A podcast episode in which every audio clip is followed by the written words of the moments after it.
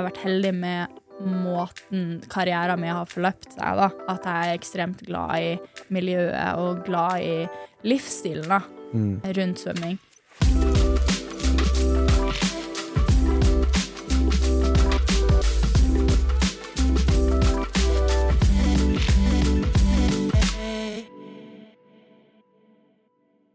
Hei og velkommen til treningsprat. Du hører på meg, Anders Muren. Og Thomas Brun. I dag har vi med ei ganske fantastisk eh, jente, eller dame kanskje du kan si. Det må jeg nesten si. Og vi spiller jo nede på kvinnedagen, så gratulerer med dagen. Ja, Gratulerer med dagen til alle fantastiske damer der ute. Ja, det her er altså Ingeborg Løyvning, svømmer, rett og slett. Olympisk standard, for å si det sånn, da. Har svømt på seniorlandslaget siden 2017, blir det vel. Eh, Så dette er min, sjette sesong der. Eh, Og ja, driver aktivt med svømming, studerer bitte litt på sida av, og veldig glad i generell trening og aktiv livsstil, da. Mm. Og eh, jeg har jo egentlig veldig lenge eh, sett opp mot det du har klart og fått til. Og ikke minst har du en veldig sånn inspirerende Instagram-profil. da. Og eh, jeg, jeg tror veldig mange der som kanskje ikke interesserer for svømming, og så kommer det bare finne litt sånn inspirasjon til treningsglede og trening generelt. Hvis at du, Vi vet jo at du svømmer ganske mye, da. Bare for å sette det litt sånn i perspektiv, hvor mange timer cirka blir det egentlig i uka? eh, total med all type trening, eh, både i vann og på land, så ligger jeg rundt en 30, vil jeg si, Mm. i, i snitt. Så kommer det litt an på hvor vi er i sesongen. Så noen ganger er jeg nede i 20, og noen ganger oppe i 40. Bare 20? Nei. Det er veldig sjeldent under 20. For jeg merker jo sånn til meg, mange syns jo jeg svømmer mye, og da spør de blir du lei av å se på den eh, streken nedi vannet. og da har du tenkt den tanken noen gang? Sånn Eh, ja, jeg, har vært, jeg har faktisk prøvd det der med å telle fliser og sånn, og det er utrolig vanskelig å skulle gjøre. Eh, men nei, det, det går som regel veldig fint. Og eh, vi har jo program og sånn som vi, som vi følger, så du bare låser deg inn på det og fokuserer på det du skal gjøre, og får jobben gjort, så, så er det over på null komma niks. Det der. det- For det er noe med det, når man vet at man har eh, I hvert fall for min del så har jeg ofte kanskje 4000 eller 5000, da, og splitta ja. opp liksom intervaller innenfor det. da. Ja. Og jeg kjenner jo at før økta tenker jeg det her er ganske langt. Det, det kjennes til å ta litt tid. Ja. Men så blir det jo gjort likevel. Mm. Og det er jo litt sånn, det kan, i hvert fall når man har 25-metersbane og har så lange økter, så kan det være litt sånn ja, du, du blir litt sånn utslitt av å se ned, da, kjenner jeg i hvert fall. da. Men den følelsen etterpå syns jeg jo er helt magisk. da. Mm. Det tror jeg kanskje du har kjent på. Ja, og altså, man tenker egentlig ikke så mye over det, føler jeg. Mm. Sånn når du har ti økter i uka, og du har gjort det i eh, de siste ti årene, liksom, og eh, du har på en måte et program du følger, du vet at det er det som er målet med økta, eh, så tenk, du tenker nesten ikke meter. Hvis det er noen gang, hvis det er rolig trening, og liksom, jeg skal ha et eh, restpass, for eksempel, som er på 6000, da kan det være litt sånn OK, nå har jeg så og så mye igjen, og ja, OK, da, nå har jeg så og så mye igjen, men Ja. du teller veldig, i hvert fall jeg da, teller veldig lite meter underveis. Men det er jo på en måte den største forskjellen mellom tanke på innenfor triatlon. Svømming er på en måte den som er veldig blir sett på som å være litt mer passiv enn sykling og løping. Mm. Så sykling og løping, da løper du ute og sykler ute, og du får på en måte nye ting som skjer, det er liksom en bevegelse. Mm. Og du kan også høre på musikk hvis du vil, og sånne ting. Mm. Du skal svømme i basseng, men spesielt uh, ute. Hvis du svømmer i havet, da ser du jo ingenting. Mm. Da er det bare mørkt uh, havgrunn, Ja. Som du ser ingenting, og så har du 4000 meter med bare det. klare, altså. Det sykeste er når det er sånn, og du svømmer i havet, og så plutselig ser du en fisk, eller noe sånt. Ja. Da får jeg helt hjertebanke. jeg. Jeg får så adrenalin. Jeg, jeg, Har, har sånn, du blitt brent av bremanet før? jeg var jo her i Sørenga Ja, ja, og svømte rundt. Ja. Helt på slutten. Jeg holdt på å dodge i hvert fall ti sånne brennmaneter da jeg var der. da. Ja. Og helt på slutten jeg fikk jeg jo en ansiktet, da. Mm. Rett før jeg skulle spille inn en Ah. episode her. Ja. Så var jeg helt sånn eh, Ja. Det har skjedd med, skjedd med de fleste, tror jeg, som svømmer nede i Oslofjorden her. Ja. Bare du svømmer, tenker ikke på noe, ser rett ned, og så bare plutselig så får du en brennmanet i ansiktet. Ja. Du er Og du skvetter til skikkelig. du er Ja. ikke nede med brennmanetene, du? Jeg er ikke så fan av sånn svømming i havet og sånn. Det er ikke helt min greie. Jeg er litt for godt vant til sånn god plass i banen og eh, det kommer en vending, eller en vegg du kan vende på. Ja. Ja. Ikke så mye bølger og sånn her. For du får egen bane, altså. Du, er, du har såpass uh, luksus. Ja, ja, vi pleier å dele. Ja. Vi gjør det. Såpass eh, prinsesse er jeg dessverre ikke.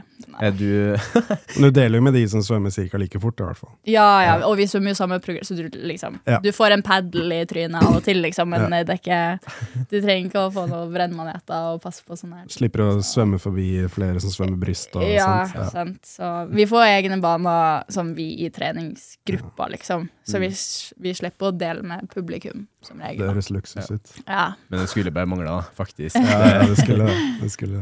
Men eh, jeg har en sånn oppfatning av i hvert fall det jeg hørte veldig mye før, da eh, Når jeg var på Pirbadet. Og der er jo mye gode svømmere som svømmer. da Ja. Så introduserer jeg meg sjøl liksom, som eh, triatlet. da Mm. Så blir jeg med litt sånn rynker litt på nesen og triat triatlet. ja. Så svømmer du, liksom? Er det, er det et sånn, en sånn greie, egentlig? Er det? Og ja, at man ser ned på triatleter? Ja, litt. Nei, i hvert fall ikke som jeg har fått med meg. Nei, så bra. Eh, vi, altså, vi trener jo i OI, eh, Mm. Oslo idrettslag, så, så er det jo en triatlongruppe også. Så vi Ja. deler jo liksom halve bassenget med triatlon. Altså nå når vi var på samling eh, på Mallorca nylig, det var klubbsamling, og da har vi liksom det parallelt med triatletene. Og Mm.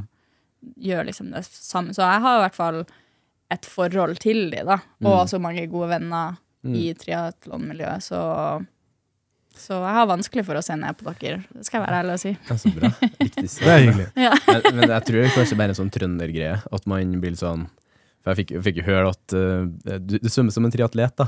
Og så er det? er sånn Ok, er det kompliment? Eller sånn Å ja. Jeg, jeg syns jeg har blitt helt OK pluss, da, på Ja, ja. Nei, Jeg har hørt det fra liksom, noen syklister også. ja, ja. Men det er litt fordi de ikke skjønner poenget med å løpe og svømme. Hvorfor kan de ikke bare sykle? Ja. Det, det er det som er morsomt, ikke sant? hører fra løpere Ja. liksom snart, så Ja. ja. Mm. Passer liksom ikke inn i noen uh, leirer. ja. Men uh, det har jeg liksom overraska meg um, jo mer kjent jeg blir med liksom, triatlonmiljøet og hvordan det fungerer, og hvordan dere trener, og sånn, at dere trener ganske mye svømming, Ja. egentlig. Det, det blir litt svømming, ja. Ja. Det blir faktisk det. Selv om det man vinner på svømminga er jo ganske mye mindre enn hva man gjør på sykling. I hvert- fall langdistanse da, for Ja. syklinga. Um, men det er jo noe med den mestringa av å klare å svømme, da. Mm. Det, jeg tror jeg har aldri vært så glad i triatlon hvis jeg ikke har vært for nettopp den svømmebiten. Mm. Av så mye mestring jeg har følt der. da. Ja. Og så har jeg alltid sagt at hvis at jeg skulle ha ofra en av de tre disiplinene, så har jeg ofra sykkel og løping og heller ville holde på med svømming. Mm. Av hvor mye du kan holde på med det i veldig lang alder. Mm. Jeg, jeg, vanskelig for å se for meg meg som 70 år kanskje like god på løpinga eller like Ja. eh, skadefri på løping og sykling da, kontra Mm. eh, svømming.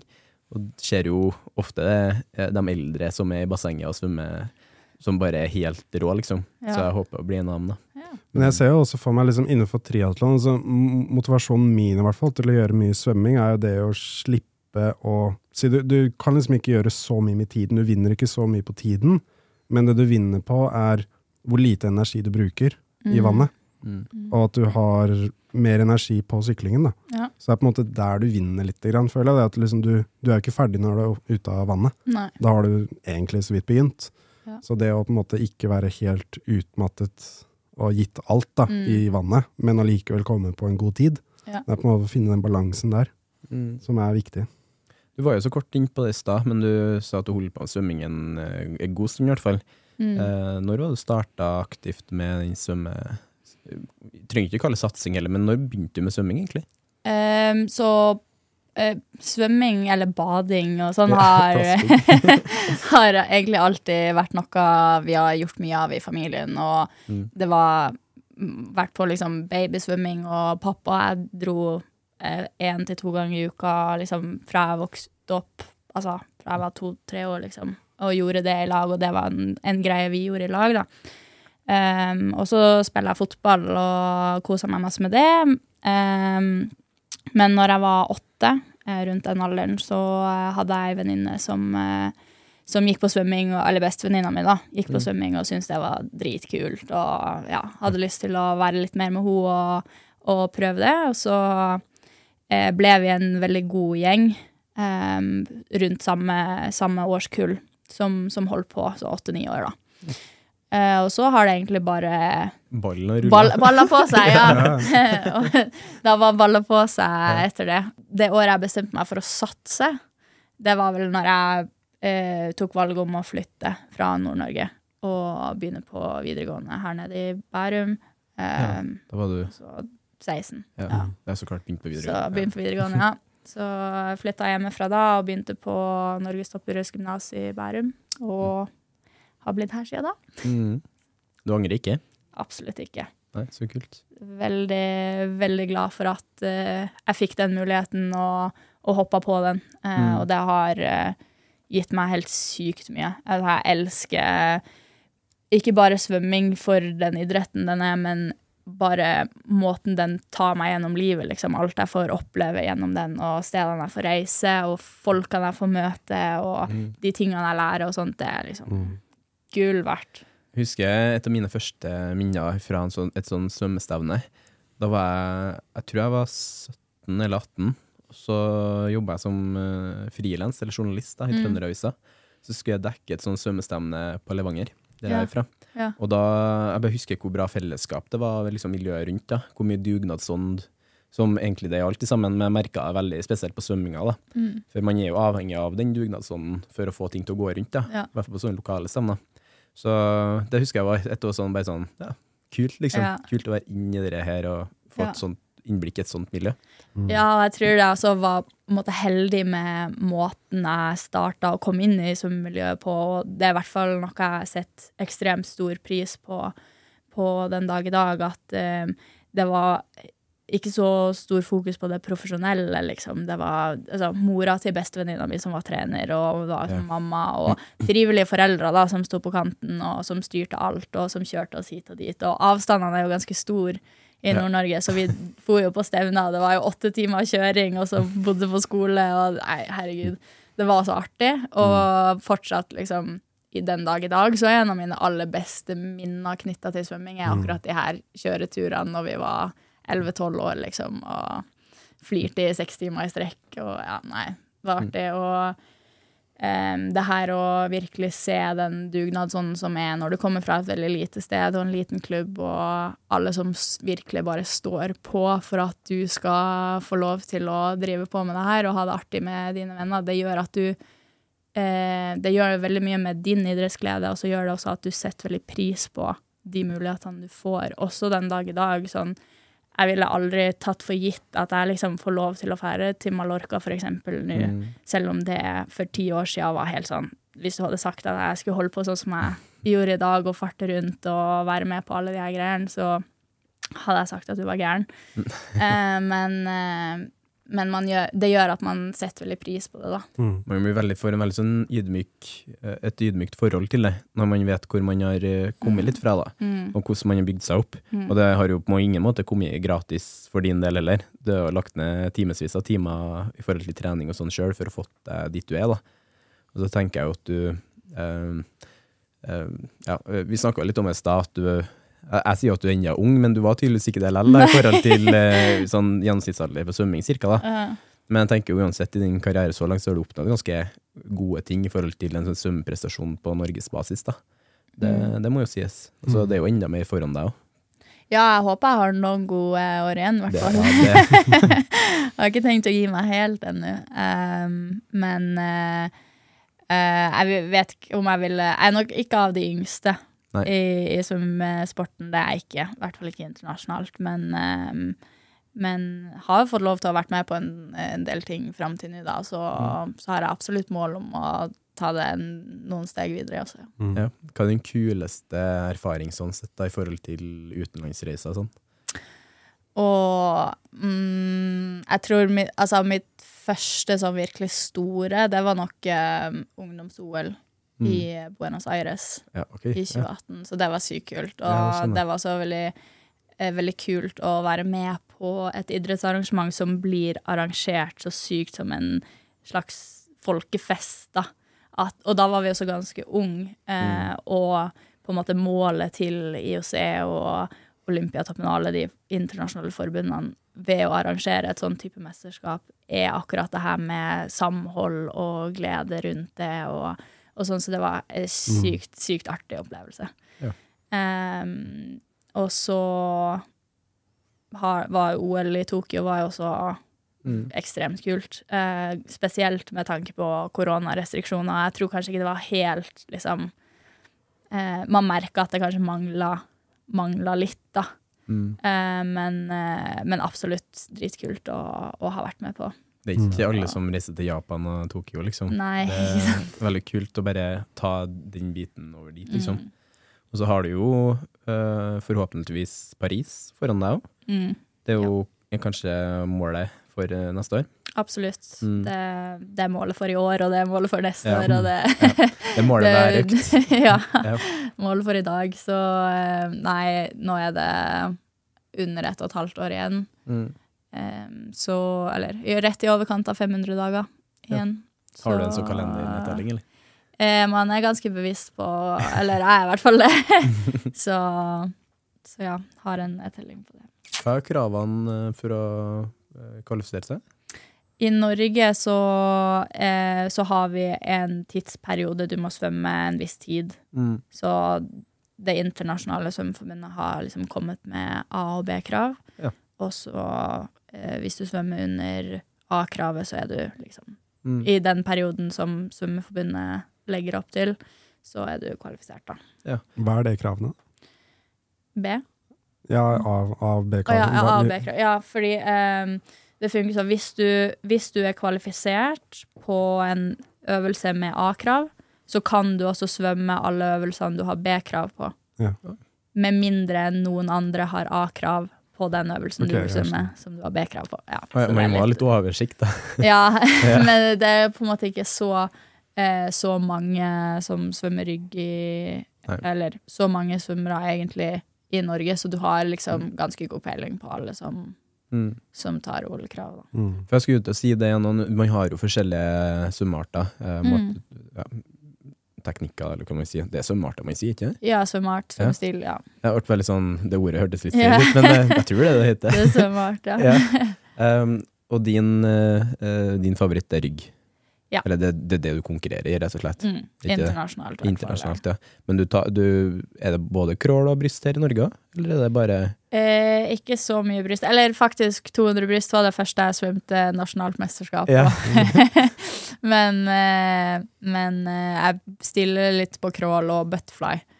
Um, og så svømmer jeg fri, altså crawler på stafetter for klubb på NM og sånn.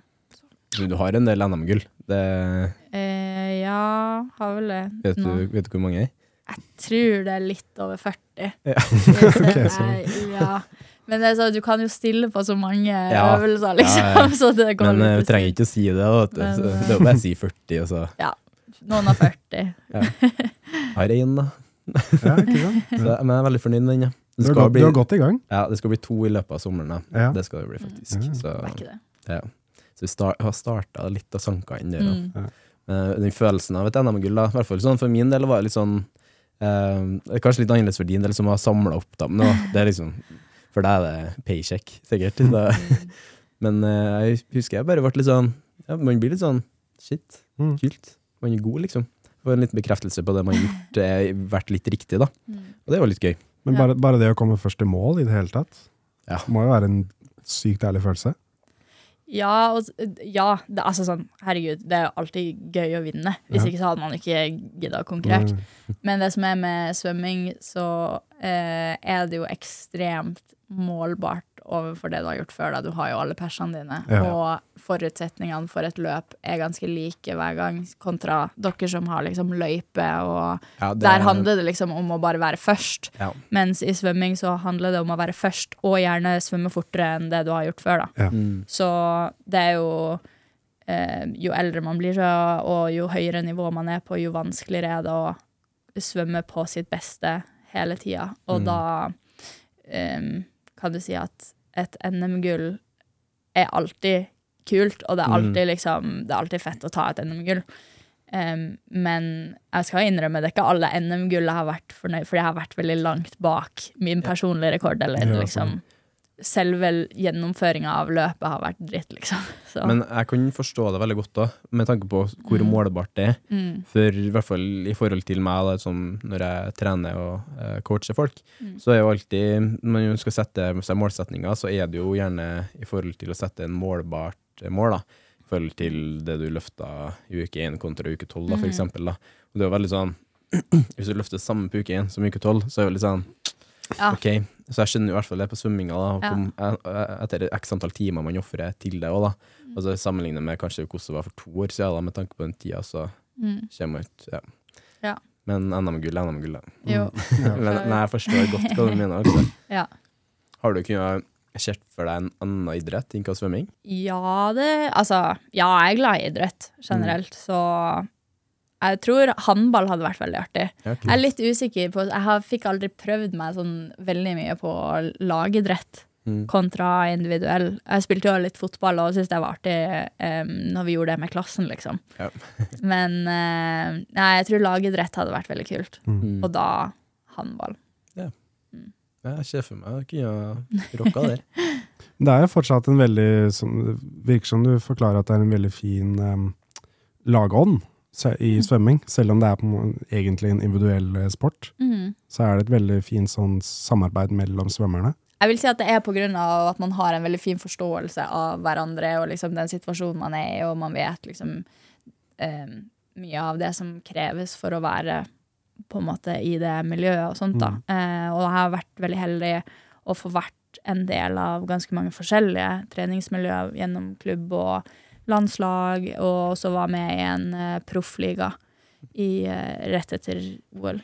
Um, som, var, som var helt sykt, sykt kult og åpna en hel sånn ny dimensjon på det sosiale rundt svømming. Og da hadde de jo på en måte prøvd å lage svømming om til en type lagidrett. Så når du svømte, så stilte du stilte to fra hvert lag, og så samla du poeng for ditt lag ut derfra, ut da fra, em, fra hvordan plassering du fikk på den øvelsen. Så, så det var veldig kult, og har jo gjort at uh, mange av mine aller, aller beste eh, venner er fra svømmemiljøet, da. Ja, men det skjønner jeg godt. Mm. Og så må man jo være, Det er jo veldig sånn nyskapende og nytenkende, akkurat den formen der. Mm. Jeg vet ikke om jeg har vært noe mye av en sånn type konkurranseform på svømminga før. Nei, ikke internasjonalt, i hvert fall. Altså, det som er, NM er jo egentlig litt organisert på den måten. Mm. Fordi du, du, når du kommer til finalen, så, så samler du poeng for klubben, og når det er stafetter, så er det doble poeng, og så er det kåres det beste klubb da, på alle eh, samla da, etter alle nasjonale mesterskap. Da. Så, så du har jo på en måte den følelsen overfor din egen klubb, Ja. eh, så, som, som gjør at det blir en sånn ekstra greie rundt, rundt å konkurrere. Og NM er jo veldig gøy. Altså, jeg ser ikke på NM egentlig som en eh, individuell greie. Nei. Det er liksom, Da er du der for klubben, og du er der for å Mm. samle mest mulig klubbpoeng, liksom. Det er så kult. Så, så det, det, det syns jeg er veldig artig, da. Ja. Mm. Du har ikke kunnet sett for deg sånn Si etter en eh, svømmekarriere, da. Har du kunnet sett for deg triatlon, kanskje? Jeg vet om mange svømmere Prøvde å som rekruttere. her, da. ja. Men jeg vet om en del svømmere, i hvert fall i Trondheimsområdet, som bor der nå, som tidligere har drevet på aktivt med svømming, da. Ja. men som på grunn av at det, for mange er det jo veldig mye svømming hvis man skal liksom satse litt videre på det. Ja. Og det, det krever at det sitter, det sitter veldig mye oppi hodet, da. Det Mm. gjør det. At man er sterk og disiplinert der. Mm. Eh, så for mange så er jo kanskje den allsidigheten man begynner å jakte etter, da. Og da er jo Mm. triatlon kanskje neste steg, da. Ja, eh, det er den syklinga som er Jeg tror ikke jeg er tøff nok til den syklinga. Nei, ok. Nei. Nei, jeg, må det ikke være ganske Bare ja, legge alle hemninger til side når du konkurrerer i sykling? Man eh, Ja. Kommer man på. Det kommer man på. Så klart, hvis man tenker å alltid gjøre det bedre, og Ja. alltid liksom sette nye standarder, på en måte, Ja, så er jo syklinga der man må på en måte kaste seg litt mer løs på, da. ikke sant? Og ta litt sjanser til slutt, da. Men samtidig så det avhenger veldig av løypa, og det avhenger Mm. veldig Ja. ganske mye, da. Ja. Men uh, de treningstimene jeg har som det er på sykkel, da, det er der jeg tar mest eh, risiko i forhold til å være ute i trafikk og sånn. Mm. Uh, ikke at jeg tar dem, men kanskje det er mye bilister som er veldig hensynsløse. da. Ja. Det er veldig mye Ja. av det i, i hvert fall i Trondheim. da. Det er Ja. trøndere på veien. Sånn, no offense, men det er mye rart, det. da. Ja, ja. Det, ja, dessverre. Ja, men det er det her i, på Østlandet også. Mm. Det er ikke alle bilister som er like glad i de Nei. Hvert fall, Én En ting som jeg skjønner, er jo når syklister sykler på en måte tre ved siden av hverandre og tar opp hele feltet, Ja. Mm. eh, og bilistene ikke får kjørt forbi uten å måtte liksom gå over på det andre feltet. Ja. Det kan jeg forstå, da. I hvert fall hvis du sykler veldig sakte. Mm. Sykler langt under fartsgrensen. Den, den kan jeg skjønne. Men det er noen som du merker når de kjører forbi deg, at de ikke liker det. ja. De refser litt ekstra med motoren. Ja. er litt for nærme eh, sånne ting, da. Det husker jeg en ting i Canada som var livsfarlig. Der var det lange, da jeg syklet i Canada i, i fjor sommer, lange, flotte veier. Du så nesten ikke enden av veien, fordi det var bare gjennom skog alt sammen, så de bare tok en linjal, en rett strek, gjennom. Men problemet da var at bilene kjørte sykt fort. Det var nesten ikke noen fartsgrense, det var bare å liksom gønne på. Det var jo ikke noe forhindring, ingen svingning, ingenting. Og da når lastebilene kjørte der, Ja. så kjørte du på en måte akkurat litt sånn på utafor veien, og så kom en lastebil i 100 km i timen Mm. og nesten kasta deg av veien. Det skjedde veldig ofte. Og hvis du da ikke på en måte hørte lastebilen heller, så det var, sånn, det var noe som var sånn veldig overraskende for meg. i hvert fall. Det var veldig skummelt. Mm. Jeg har jo sånn, eh, Mamma bruker alltid å si For hvis jeg sykler fra Trondheim til Levanger, da, så må jeg alltid sykle litt på E6-en. Ja. Og mamma, hver gang jeg sykler den strekka der, så sender jeg meg melding etter jeg, om jeg har kommet hjem. da, Mm. Eller om jeg er ferdig med den strekka. da, Så hun er veldig på der. da. Ja. Så man har eh, folk eh, De nærmeste liksom blir jo litt sånn, nesten litt bekymra. Ser på det som en veldig stor risiko hele tida. Mm. Men de har jo kontroll på sykkelen sjøl, bortsett fra når jeg, Ja, du har vært på sykehuset en gang. jeg har vært på sykehuset en gang. Ja. Men det verste da var jo at jeg Da sykla jeg inn i trikkeskinna. Ja. Det var ikke noe. Jeg bare satte meg fast helt der, da. Men nå var jeg helt hodet mista meg. Sånn, da skulle jeg kjappe meg til Da skulle jeg kjappe meg til svømming, faktisk. så jeg venta på sykehuset. så ja. man- Her selger dere det virkelig inn. ja, ja. Nei, men det, det er litt Du må være litt sånn uh, barsk, da. Nei. Ja. Nei, man må absolutt ikke det. Men Mm. eh, liksom hovedgreia er at det, det, syklinga, da, det er veldig mye risiko på. Mm. Mm. Det er jo det. Men det kan jo være litt av seg sjøl, men så kan det være veldig mye av andre folk rundt òg, Ja. Mm. Men eh, det jeg liker med treningen, da, det, vet du, det er den variasjonen av det. Ja. At det ikke er på en måte det samme hver dag. Mm. Eh, hvis jeg kun hadde gjort løping, så hadde det vært på en måte litt sånn ensidig etter hvert, følte jeg i hvert fall. Ja. Så det er veldig gøy å kunne variere litt. Da. Mm. Og det å føle at du mestrer tre forskjellige ting også, det er veldig gøy. ja. Har du noen gang følt på at du har blitt uh, lei av uh, svømminga? Eller lei av å drive på som, som, som du gjør, egentlig? Altså, som det er med alt i livet og alt du driver på med, så er det ikke alle dager som er like lett. Og hvert, altså, dager og uker og perioder liksom, som kan være litt kjipere.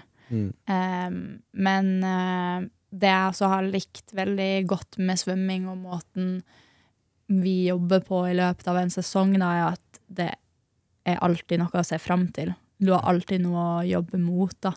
Um, både kortsiktig og langsiktig. Så du har jo en OL-syklus som går på fire år, så, men så er det jo mesterskap eh, hvert, hver sommer og hver jul. Du har alltid EM, VM Alltid, ja. Det er alltid ett VM og alltid ett EM i løpet av et år. Mm. Og nå i korona, altså når det var korona, så ble det jo Ja. avlyst og utsatt, og så etter at ting åpna opp igjen, så har det jo bare vært hopping fra mesterskap til mesterskap omtrent, fordi de tar igjen alt de, de satt på vent. Så, så det har alltid vært mye som skjer, um, kan du si. Mm. Og alltid alt, Du får alltid en ny impuls, da. Mm. Så, så sånn sett så, så ha, skal jeg jo ikke lyve. Jeg har jo slitt med Ikke motivasjon, men det å kanskje eh, se gleden i det og, Mm. og sånn til tider. Det har jeg absolutt. Men det, det har alle, tror jeg. Ja, det tror jeg nesten ikke du kommer utenom, uansett hva du driver med i livet. Vi sier jo det liksom at eh, sånn motivasjon og litt sånne ting, da. Mm. At man er jo for eksempel, da, man er aldri motivert for å pusse tenner. da. Du, du er jo ikke det, men man gjør det jo for det. Alle pusser jo tennene pga. at man vet at man har godt av det. Ja. På samme måte så vet man jo sitt indre seg har godt av den svømmeøkta, f.eks. pga. sine målsetninger. da. Så liksom å jeg, jeg tror veldig mange overtenker at man må være så sykt motivert hele tida. da. Mm.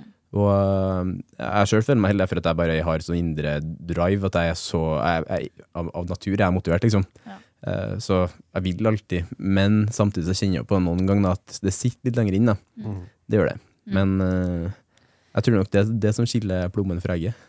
Ja. kan si. Ja, det kan jeg si. Jeg tror også at jeg har vært eh, på en måte heldig, som jeg nevnte så vidt i stad, at jeg har vært heldig med måten karrieren min har forløpt seg. da. Ja. At jeg har fått en idrettsglede og på en måte etablert At det er det som ligger i bunnen. da. At jeg er ekstremt glad i miljøet og glad i livsstilen da, Mm. eh, rundt svømming.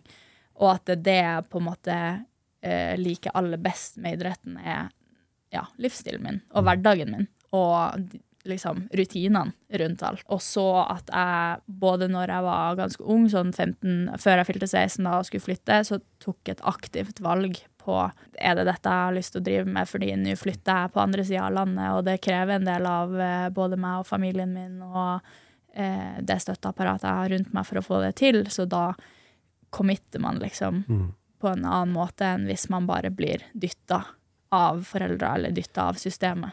Ja. Ikke sant? Du tar et aktivt valg på at det her er liksom det jeg vil drive med. Det er Og- veldig viktig. Ja. Ja. Mm. Eh, og sånne valg har jeg også tatt en del nå de siste, siste par årene. Mm. Eh, som, som har på en måte forsterka den her grunnen til at jeg faktisk driver på med svømming. Mm. Det er at motivasjonen kommer fra deg. Det er ikke Mm. noen som på en måte Mm. må gi den til deg hele tiden. Ikke sant? Ja. Og at du eh, Det er nesten sånn eh, Du føler at du skylder deg sjøl å fullføre det her, liksom. Ja. Fordi, og du skylder på en positiv måte de rundt deg også. Mm. Det ikke at det, jeg sitter ikke her og sier at jeg har et ekstremt press fra liksom, familie og, og støtteapparat og sånn, men, men jeg vet også at uh, min karriere og de valgene jeg har tatt, det har uh, også stilt mye krav til de rundt meg. Mm. Og at de også har, eh, har gitt meg den støtten til å faktisk få lov til å holde på sånn som jeg har gjort de siste årene. Så, eh, så da uh, føler jeg at jeg skylder både de og meg sjøl å gjøre det ordentlig og ta det seriøst.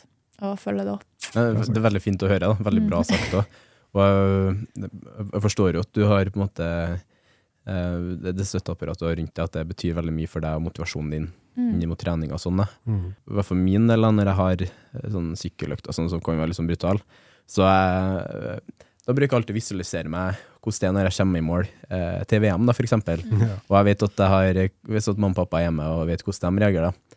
Uh, bare se for meg det og visualisere meg det. Og det er jo med, det er min indre drivkraft å hver treningsøkt. Jeg Mm. Jeg har fortsatt uh, bilder av hodet mitt fra første triatlon jeg var med i. Og mamma og pappa var jo så bekymra for at jeg skulle ikke komme opp fra svømming engang. Så allerede da begynte jo dem å grine, for de var så stolte. da. Så jeg har fortsatt de, de tankene med meg. Jeg har veldig sånn følsom, sensitiv familie, da. Mm. Men eh, akkurat den biten der kjenner jeg liksom når jeg, når jeg vet hvor mye de måtte sette pris på det òg, da. Mm. Det å følge med og se på, da. Mm. Så gjør det litt enklere å gjennomføre, da. Ja. Jeg husker jo familien din da, i Oslo 3, når jeg ja. sto sammen med dem i mål der. Ja. Bare dem også syntes det var så sykt stas, da. ja. Og så sånn for din del, da, som ikke, du har drevet på med så mye idrett før, liksom. Nei, nei, Og så ingenting. plutselig har du funnet en liten glede i å holde Ja. på med triatlon. Mm. Og så ser du hvor mye det betyr for familien, da. Masse. Mm. Men det er motivasjonen min nå også fremover. Det er liksom sånn det å komme opp til Gaustatoppen på Norseman. Ja. Det å fullføre der. Det er, liksom, det er det du må ha i hodet hele tiden. Da. Men det kan være litt Mm. vanskelig når det er litt langt unna. Så du må ha litt sånn kortsiktige mål også. Mm. Hvis det er på en måte seks måneder i fremtiden, så ja, da går det for så vidt greit. Men Vi har Lanzarote og Meia og Luke, da. det har vi. Stemmer det. Jeg føler at der, der er det jo veldig positivt at svømming er så målbart som det er. Fordi at du, um, du har et mål, og du vet at ok, for å kvalifisere dit, så må jeg svømme en viss tid, og, og så kan du gjøre ganske eh, ekstensive arbeidskrav-analyser for altså, Mm. ok, det her er liksom utgangspunktet mitt. Det, der, det og det bør jeg ideelt ha på de og de segmentene. Sånn start, vending, eh, er det svømmedelen, er det opp til 25, er det fra 25 til 50? Altså du kan Mm. bryte det ned såpass mye og ha liksom ulike perioder der du trener på ulike ting. Så det gjør at du um, ja, OK, jeg har liksom 30 timer trening hver eneste uke, 50 uker i året, men uh, det er aldri likt, da. Jeg tror, jeg tror ikke det er en eneste økt jeg har gjort der det har vært det samme programmet, liksom. Altså, det er veldig sjeldent da, at jeg gjør et program to ganger, liksom. Så. Men det er jo snakk om veldig små marginer da, på tid, er det ikke det? Mm. Hvordan er det du på en måte da klarer å finne de tingene som du kan bli bedre på? Det er ekstremt eh, gode liksom, analysesystemer som, som finnes da, og undervannsfilming og filming over vann, og altså klokker man jo mye. Eh, så veldig mye måles jo på tid hele tida, fordi det er jo Det handler jo om å svømme fortest. Mm. Så, så og da handler det jo også om å finne eh, teknikker og eh, de elementene du må jobbe med for at hver av de tingene skal bli, skal bli raskere og mer eksplosiv og sterkere. Altså, det er veldig forskjell også på hvordan type øvelse du svømmer. Ja. Om du er liksom sprint eller med lang distanse eller mellom eller ja. Mm. Så. Har du, har du en sånn svakhet du må jobbe med, som du fokuserer ekstra på nå?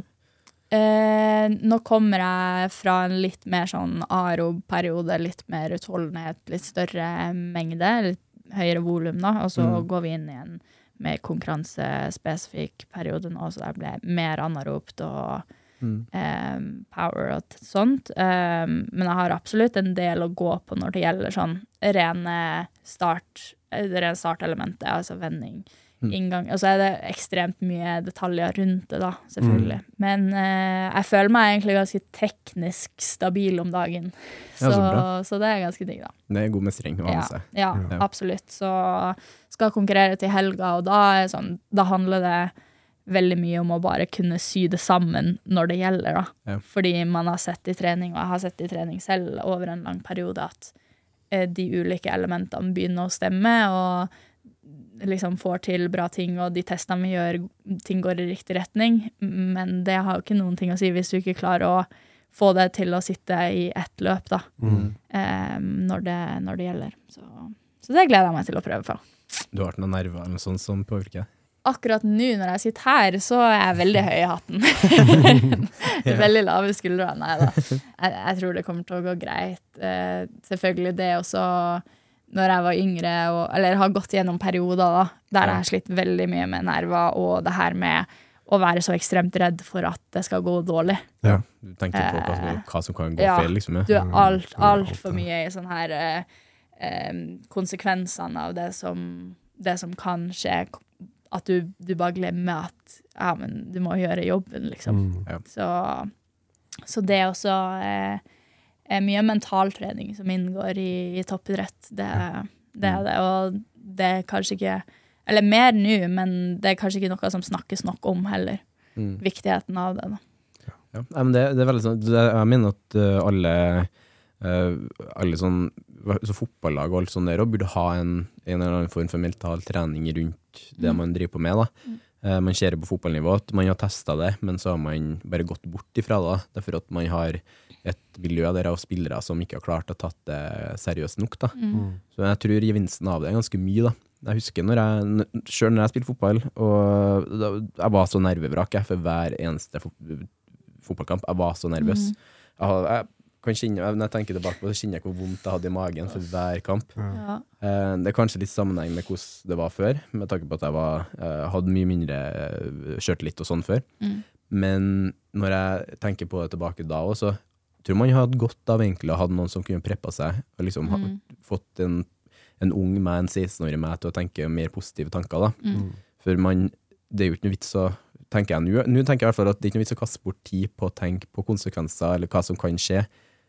Du tar det heller når det skjer, eller etter det har skjedd. Da er det verdt å bruke tid på det. Ja. For i verste fall så bruker du tid på nå til å ikke tenke på noe som ikke skjer, liksom. Ja. Det er jo det dummeste man gjør. Kanskje Ja. tar man og ser for seg at man Se for deg at du kjører bil, så skal du bare se for deg at du krasjer. ja. Kanskje Ja, ja. krasjer du til slutt, ja, Jo, men liksom. det er jo akkurat sånn det føles når, du, når du står der, og det, det føles som at hele verden rundt deg bare står i brann. Fordi Ja. du, du er så redd for at, uh, at du ikke har gjort jobben, eller at det ikke er godt nok. Eller altså, du stoler ikke helt I hvert fall det jeg har kjent på sjøl, at jeg ikke stoler helt på meg sjøl og den prosessen som jeg har vært igjennom. da. Mm. Um, men, uh, men det er ting som, som absolutt har måttet ta tak i.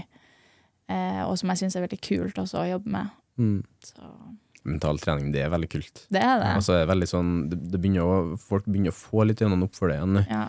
Og uh, sammen med sånne folk jeg coacher som vil ha en livsstilsendring. Mm. Bare når man setter det mentale eh, i fokus på hvordan man utvikler seg via en periode, da, og ser på det sånn sett, egentlig hvor langt man kan komme på ganske kort tid. Mm. Men veldig mange, i hvert fall i den sammenligninga, er så opptatt av den vekta eller centimetermål eller noe sånt. da. Mm. At det er derfor det er så målbart.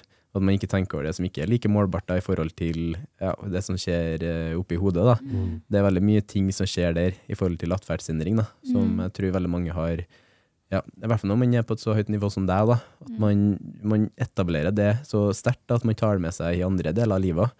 Jeg ser for meg at du tar med deg det fra idrettskarrieren din mot hverdagslivet ellers, kanskje mot jobb og skole. Eller Ja, sånn, ja, absolutt. Og jeg tror også at eh, de personlighetstrekkene jeg hadde fra et ganske tidlig alder, har vært veldig sånn eh, Hvis man gjør noe, så gjør man det 100 liksom. Hvis ikke, så kan Mm. du bare drite i det. Mm. Ja. Og så, så, det er på en måte sånn jeg også eh, Og det setter jeg veldig pris på at mine foreldre også har lært meg det. Og, og eh, være liksom dedikert. Og, så det er jo ting jeg har tatt med meg også inn i idretten, som har blitt forsterka der, og som jeg virkelig har fått testa. Yeah. eh, og tatt noen eh, hakk videre, tror jeg. Håper jeg. Ja, Så, eh, så eh, absolutt eh, vil si at det å være ambisiøs og å være målbevisst og sånt ikke er noe som er knytta til meg som utøver, men definitivt meg som person. Da. Mm. Det er veldig fint å på en måte få det inn i hodet også i et tidlig alder. Det å vite at Få den mestringsfølelsen, da, og det å vite, kjenne på den prosessen. Mm. Det, det å liksom vite at for å bli flink til noe, så må du Mm. jobbe mye. Og da er det veldig enkelt da, å se for meg når du er eldre og på en måte bare Ja, men ok, hvis jeg har lyst til å gjøre noe nytt nå, da, Mm. så kommer jeg til å være dårlig på starten, og det er greit, Mm. fordi jeg vet at jeg kommer til å bli bedre over tid. Mm. Men det å, på en måte, ja, det å vite det veldig tidlig, det er kjempeviktig. Ja. Det er mange som sikkert ikke har fått det. Men når fått. Ingeborg starter med triatlon, da kommer du til å være kjempegod på svømminga. Det er ikke noe tvil om. Uh, Nei da. altså, den er triatlon, altså. Fordi open water-svømming, det er ikke helt min greie. Jeg skal ikke lyve. Så det er egentlig bare løpinga jeg Men har kan du- har stille på her. Har du svømt med våtdrakt og sånt nå, noe særlig? Nei, Ikke? det har jeg ikke. Det er noe helt annet. Ja, du sier så. Ja. jeg er litt skeptisk, jeg.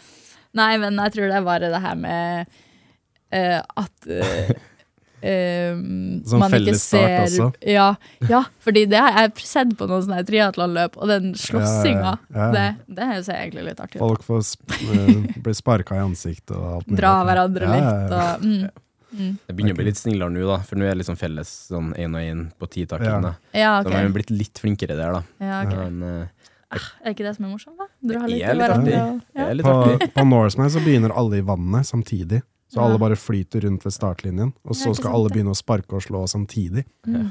Så da var det en i fjor som fikk uh, spark i ribbeinet og måtte bryte med en gang. Nei. For den bare, Trent i mange Nei, år, og så ja, sånn, kom seg, han var sist, kom, brukte over to timer på å svømme. Prøvde å svømme, da.